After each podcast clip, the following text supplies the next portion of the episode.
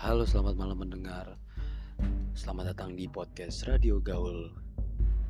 Podcast ini, pada kali ini gue akan memberitahu kalian di podcast kesayangan kita ini telah hadir episode terbaru, segmen-segmen terbaru yang berjudul Teror Kegelapan.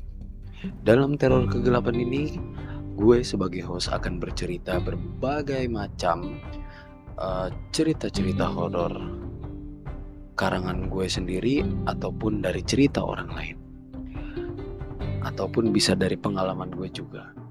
Buat teman-teman semua yang ingin mengirimkan cerita-cerita horor pengalaman kalian boleh silakan email ke ringslifegallery at gmail.com Nanti cerita-cerita kalian akan gue bacakan di podcast Teror Kegelapan ini. Sekian dari gue. Terima kasih sudah mendengarkan selalu podcast kesayangan kita radiogaul.com ini. Sampai jumpa.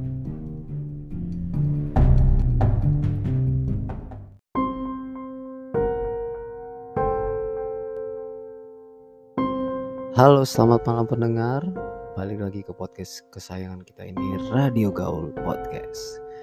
Pada kesempatan kali ini gue Tio yang akan membawakan acara di episode teror kegelapan.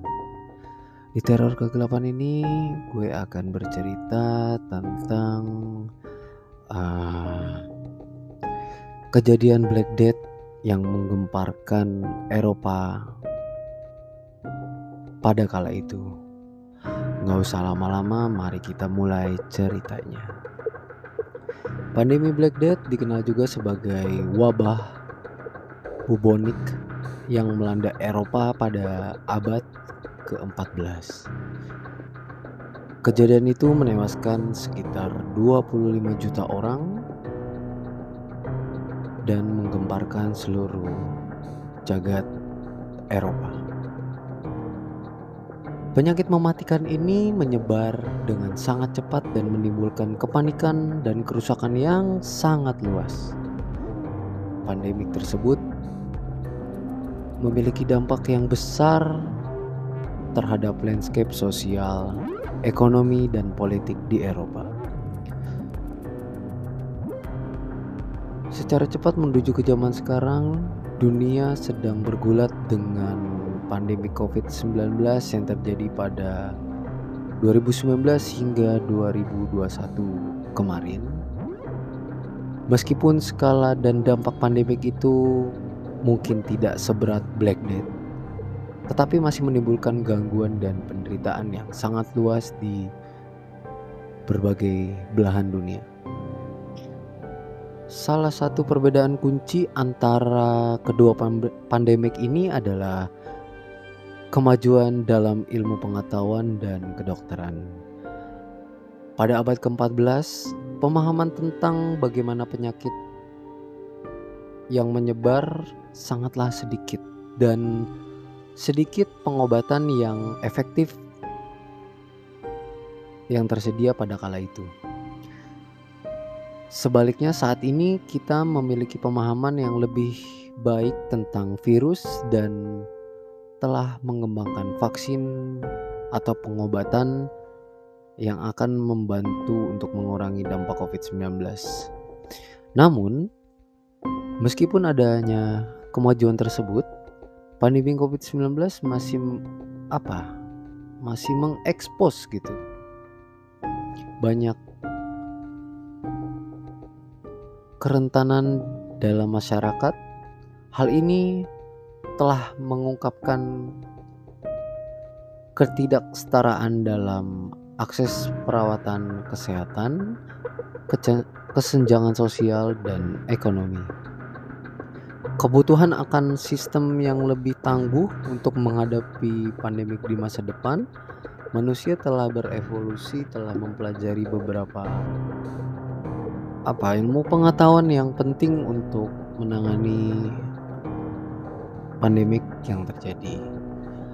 Untuk kesimpulannya, pandemik Black Death dan pandemi COVID-19 saat ini adalah dua peristiwa yang sangat berbeda yang terjadi berabad-abad yang lalu.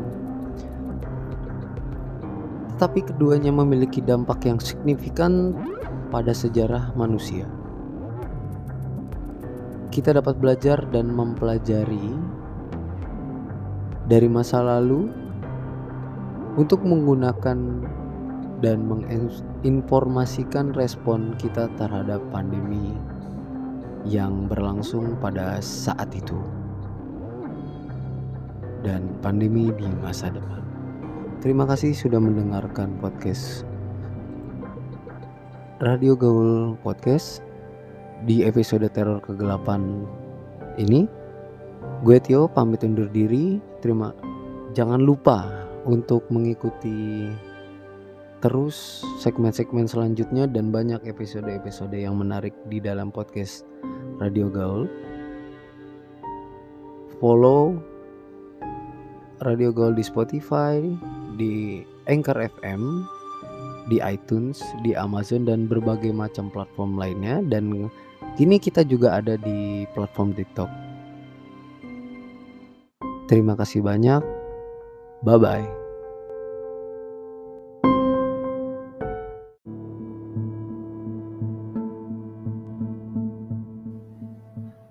Selamat malam pendengar.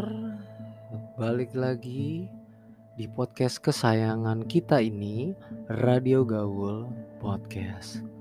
Pada kesempatan kali ini, gue Tio akan membawakan cerita horor lagi nih. Cerita pengalaman horor teman gue yang namanya tidak bisa gue sebutkan karena dia minta untuk di sensor atau tidak disebutkan Kali ini di episode Teror Kegelapan ceritanya cukup menarik nih karena ini adalah cerita kisah nyata dari teman gue sendiri. Baik, gak usah lama-lama, gue akan mencoba untuk membagikan pengalamannya dia, pengalaman seram media dan penuh dengan jump scare yang sangat menakutkan. Suatu malam, teman gue yang sedang berjalan di sebuah hutan yang cukup terpencil. Ia pergi sendirian karena ia ingin mencari inspirasi untuk menulis cerita horor. Namun, ia tidak menyangka bahwa malam itu akan menjadi suatu malam yang paling menakutkan dalam hidupnya. Saat dia berjalan, dia mendengarkan suara-suara aneh yang tidak biasa. Awalnya dia berpikir hanya satu binatang gitu atau binatang-binatang yang ada di sekitarnya. Namun semakin lama suara itu semakin dekat dan semakin mengganggu di telinganya. Dia mulai merasa tidak nyaman dan berpikir untuk segera pulang. Tetapi karena dia mencoba untuk berbalik arah juga tidak bisa. Dia terkejut melihat sosok yang sangat menyeramkan. Sosok itu sangat gelap dan tampak seperti hantu gitu menurutnya. Dia terpaku dan tidak bisa bergerak, kebingungan, merinding, terus keringet dingin juga, kata dia. Dia merasakan ketakutan yang sangat besar dalam hatinya. Saat itu, sosok itu tiba-tiba meloncat ke arahnya dengan suara yang keras dan sangat mengejutkan. Mungkin gue juga kalau di posisinya dia, wah udah kaget setengah mampu sekali ya. Terus dia juga bercerita bercerita sama gue, dia merasa jantungnya seperti berdegup kencang dan hampir pingsan karena terlalu ke apa ya ketakutannya itu terlalu besar dan uh, dia selalu dia merasakan kayak wah ini nggak bener nih ini nggak bener nih. Jadi kayak dia keringet dingin makanya dia hampir pingsan gitu. Tapi ketika dia melihat sosok itu dia menyadari bahwa itu hanya seekor rusa yang kebetulan lewat di dekatnya gitu. Meskipun itu apa ya hanya seekor rusa uh, dia bercerita sama gue itu dia merasa sangat ketakutan dan gemeteran karena ya balik lagi kaget kan apalagi suasana itu sangat mencekam dan horor banget gitu. Terus dia langsung berlari pulang dan sejak itu dia tidak akan pernah kembali lagi berjalan di hutan pada malam hari sendirian. Nah hutan ini adalah kampungnya dia bro.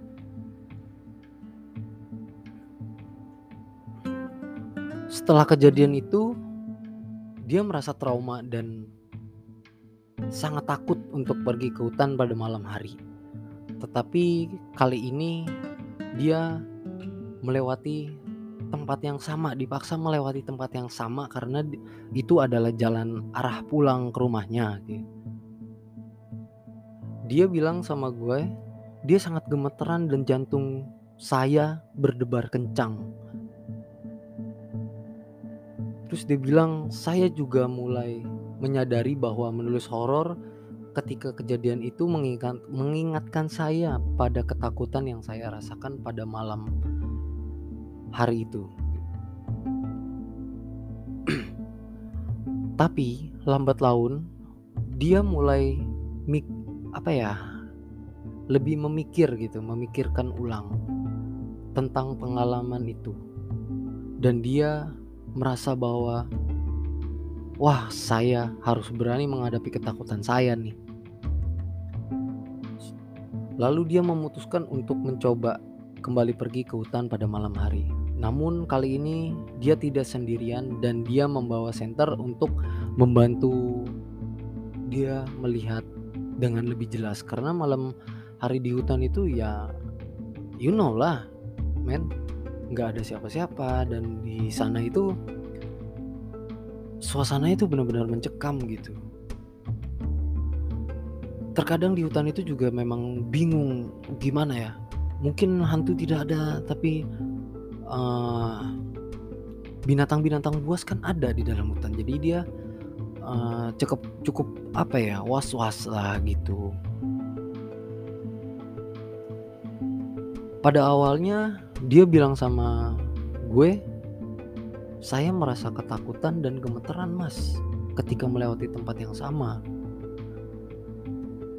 tapi ketika saya mulai memperhatikan sekeliling saya dan melihat bahwa tidak ada hal-hal yang berbahaya, rasa takut itu mulai mereda. Terus dia bilang sama gue, saya merasa lebih percaya diri dan semakin tertarik untuk menulis horor lagi sejak pengalaman itu. Nah, sejak itu dia mulai merasa lebih berani dan tidak takut lagi untuk berpergian ke hutan pada malam hari. Terus juga dia bilang, "Saya juga menulis horor lagi, Mas, dan merasa bahwa pengalaman tersebut memberikan inspirasi baru terhadap tulisan saya." Pengalaman seram yang saya alami dan penuh jumpscare itu mengajarkan saya kata dia untuk bisa tidak mudah menyerah pada ketakutan dan berani menghadapinya. Meskipun pada awalnya dia merasa takut, tetapi dengan sedikit usaha dan tekad yang kuat, akhirnya dia berhasil mengalahkan ketakutan dan dia lebih bisa berani lagi kesimpulannya pada cerita ini yang dialami oleh teman gue ketika kita punya niat ketika kita ingin menulis cerita-cerita atau kita ingin membuat video horor itu gimana ya? Kita harus mempersiapkan diri kita harus mempersiapkan mental kita harus mempersiapkan segala sesuatu hal yang bakal terjadi agar tidak kejadian seperti ini. Kayak temen gue ini dia ke hutan itu tidak bawa senter. Nah, itu menurut gue salah. Karena di hutan itu ya logikanya gelap dan banyak faktor, banyak variabel yang bakalan bikin lu bisa celaka gitu di hutan. Tapi uh, dari sisi positifnya dia ini bisa apa menulis menulis cerita dan meneruskan kisah-kisah horor untuk di-upload ke berbagai macam platform dan itu bisa menghasilkan dia ya walaupun banyak tantangan gitu loh. Banyak tantangan yang harus dihadapi yang kayak tadi jump scare terus kayak uh, ketakutan-ketakutan yang dia alami itu harus bisa lebih dia atasi karena untuk menulis cerita horor atau lu membuat video horor itu cukup menantang bro. Kayak contoh gue dulu pada 2000 berapa ya? 2019 mungkin. Gue kan suka membuat video YouTube nih sobat pendengar. Nah video-video yang gue upload itu video-video horor yang menurut gue kadang-kadang di luar nalar gitu loh. Kayak ada satu pengalaman gue waktu itu explore ke salah satu SMP di kota Bekasi dan di kamera gue itu terekam gitu loh. Terekam kayak jendela yang uh, bergerak dengan sendirinya padahal itu tidak ada angin nggak ada hujan nggak ada nggak ada faktor-faktor yang bakalan bisa menggerakkan jendela itu. Tapi di kamera tuh terekam. Nah salah satunya itu. Terus juga mental kita juga harus kuat karena di tempat-tempat yang lama tidak ditempati atau lama tidak ditinggali oleh manusia itu mungkin uh, ada makhluk-makhluk lain yang bakalan nempatin tempat tersebut. Jadi kita harus bisa mempersiapkannya dengan matang gitu loh. Tapi ya balik lagi namanya manusia juga kita pasti kaget terus kita lari kan. Dan waktu itu juga ada cerita horor pengalaman pribadi gue. Waktu itu bulan puasa persis sama kayak sekarang kayak di hari ini gitu jamnya juga sama sekitar jam 2an gue lewat uh, bersama temen gue di salah satu makam yang ada di Bekasi. Nah pada malam hari itu suasananya nggak ada sama sekali horor-horor ya gitu. Kita lagi have fun, kita lagi ketawa-tawa di motor. Namun sekelebatan itu bener-bener yang lewat depan mata kita dan itu bukan gue doang yang lihat, tetapi uh, teman gue juga ngeliat. Ya itulah sedikit cerita pengalaman horor teman gue dan sedikit cerita dari pengalaman horor pribadi gue. Terima kasih untuk kalian pendengar yang sudah mau mendengarkan bacotan gue dalam podcast ini. Jangan lupa ikuti podcast Radio Gaul yang sudah tersedia di Spotify, di iTunes, dan di Noise, dan ada di beberapa platform lainnya banyak cerita-cerita yang menarik yang bakalan gue ceritakan dan banyak segmen-segmen yang menarik untuk kalian dengarkan. See you. Bye bye.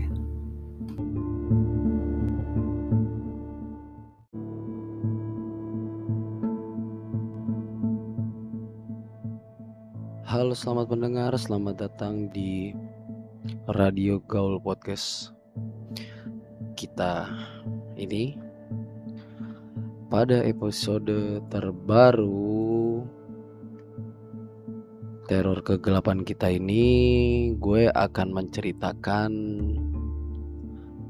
cerita horor hantu penunggu rumah lama. Cerita kali ini bercerita tentang seorang pria yang baru saja membeli sebuah rumah lama yang ternyata menyimpan banyak rahasia kelam. Gak usah lama-lama, mari kita mulai ceritanya.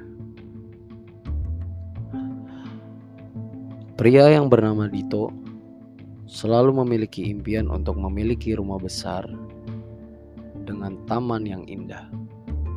Setelah bertahun-tahun ia menabung, akhirnya ia membeli sebuah rumah tua yang terletak di pinggir kota. Rumah itu terlihat sangat indah dari luar. Namun, begitu Dito memasuki rumah tersebut, dia merasakan suasana yang aneh dan penyebab bulu kuduk Dito merinding sekujur tubuhnya. Suara-suara aneh terdengar dari berbagai sudut rumah. lampu-lampu sering kali mati dengan sendirinya. Dito mulai merasa khawatir dan curiga dan memutuskan untuk mencari tahu sejarah dari rumah tersebut. Dari para tetangga, Dito mengetahui bahwa rumah itu dulunya menjadi tempat tinggal keluarga yang misterius. Dan kemudian sekeluarga itu meninggal di dalam rumah tersebut secara tiba-tiba. Semakin hari kejadian-kejadian aneh semakin sering terjadi. Suara-suara hantu terdengar semakin jelas. Dan sering kali Dito melihat bayangan-bayangan yang menakutkan. Suatu malam, ketika Dito sedang tidur, dia merasakan ada yang menarik kakinya. Lalu dia terbangun dan melihat seorang wanita tua yang memandang tajam ke arahnya. Dito mulai merasa ketakutan dan memutuskan untuk menghubungi paranormal untuk membantu mengusir hantu. Setelah beberapa sesi, paranormal tersebut menemukan bahwa rumah itu adalah tempat penunggu dari hantu wanita tua yang dulunya pernah tinggal di rumah tersebut. Hantu tersebut kesal karena rumahnya diambil alih oleh orang lain. Dan sejak itu mengganggu siapa pun yang datang ke rumah tersebut. Dalam upaya terakhir untuk mengusir, mengusir hantu tersebut, Dito memutuskan untuk membersihkan dan memperbaiki rumah tersebut. Setelah beberapa minggu, Dito merasa bahwa suasana rumah itu semakin tenang. Suara-suara aneh dan kejadian-kejadian misterius tidak lagi terjadi, dan Dito merasa lega. Namun, ketika Dito hendak tidur malam, dia mendengar suara yang mengatakan, "Rumah ini milikku. Rumah ini milikku." Dito menyadari bahwa hantu tersebut belum sepenuhnya pergi dan memutuskan untuk meninggalkan rumah tersebut. Dia tidak tinggal lagi di rumah itu.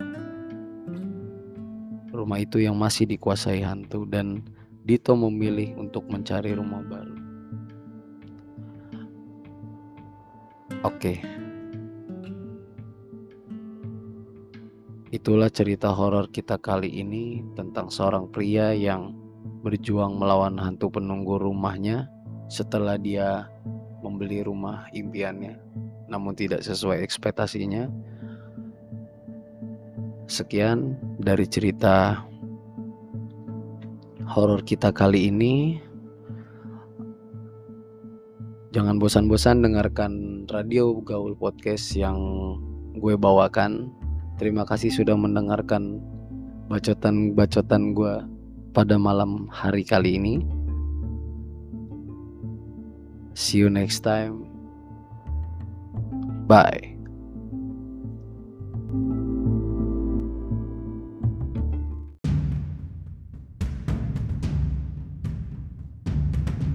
Halo, selamat malam pendengar. Selamat datang di podcast kesayangan kita ini, Radio Gaul Podcast. Pada kesempatan kali ini gue Tio yang akan membawakan cerita horor di episode teror kegelapan pada malam hari kali ini. Ada beberapa cerita yang akan gue ceritakan di segmen ini. Uh, kita akan membahas kisah horor yang sangat menarik dan mengerikan. Gue sangat senang untuk membicarakan tentang topik ini dan gue yakin uh, lulus semua juga pada menemukan hal yang menarik. Gak usah lama-lama mari kita mulai ceritanya. Pertama kita akan membahas kisah horor yang sangat terkenal. Cerita ini berasal dari seorang pria yang tinggal di sebuah rumah tua dan besar di tengah kota. Menurut pria itu Rumah tersebut terdapat beberapa kamar yang tidak pernah dibuka dan memiliki suasana yang sangat mencekam. Pada suatu malam, pria tersebut mendengar suara-suara aneh yang berasal dari salah satu kamar yang belum pernah dibuka itu. Dia mencoba membuka pintu tersebut, tapi tidak bisa membukanya. Sudah berusaha didorong-dorong, sudah berusaha dibuka, namun pintu itu tetap saja tidak terbuka olehnya. Keesokan harinya, dia memanggil seorang tukang kayu untuk membuka pintu tersebut. Setelah berhasil membuka pintu tersebut, mereka menemukan sebuah ruangan yang kosong, namun dalam ruangan itu terdapat sebuah catatan yang menyeramkan. Di catatan itu tertulis, "Jangan mem jangan pernah membuka pintu ini, atau kamu akan melihat apa yang tidak bisa kamu lihat." Lalu pria tersebut menjadi sangat takut dan mulai merasa bahwa sesuatu yang ganjil dan mengerikan di dalam rumah itu. Dia memutuskan untuk segera pindah dari rumah itu. Oke, sebelum kita lanjut ke cerita yang kedua nih, biar lebih enjoy kayaknya gue harus sebat dulu ya enggak sih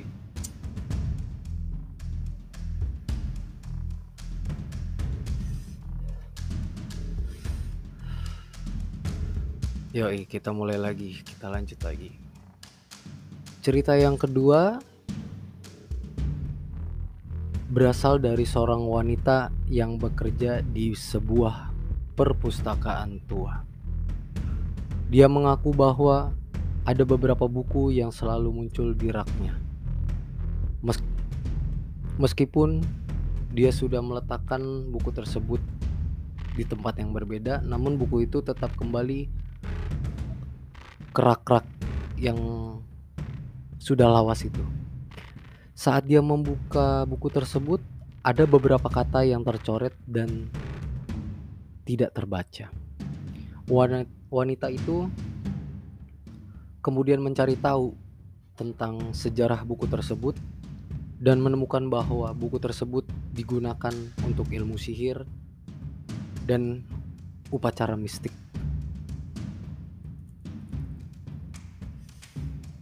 Wah, gua sih kalau di posisi itu gue pasti bingung sih, bingung terus uh, pasti merinding juga sih. Karena ya logikanya kalau seandainya barang yang sudah ditaruh di tempat yang berbeda tidak mungkin dia jalan sendiri kan? Lalu suatu malam ketika dia sedang bekerja di perpustakaan dia mendengar suara kaki yang berjalan di koridor perpustakaan. Dia memutuskan untuk mengecek dan menemukan sosok bayangan hitam yang menghilang begitu saja di ujung koridor. Wanita itu kemudian merasa sangat takut dan tidak pernah ingin bekerja di perpustakaan itu lagi. Oke pendengar, itu dia dua kisah horor yang cukup menakutkan dan banyak kisah horor lainnya yang bisa kita bahas. Tetapi kita akan berhenti sampai di sini dulu. Terima kasih sudah mendengarkan podcast kita ini. Sampai jumpa di episode selanjutnya. Jangan lupa untuk mengikuti podcast Radio Gaul di Spotify, di aplikasi Noise, dan di iTunes. Thank you, see you.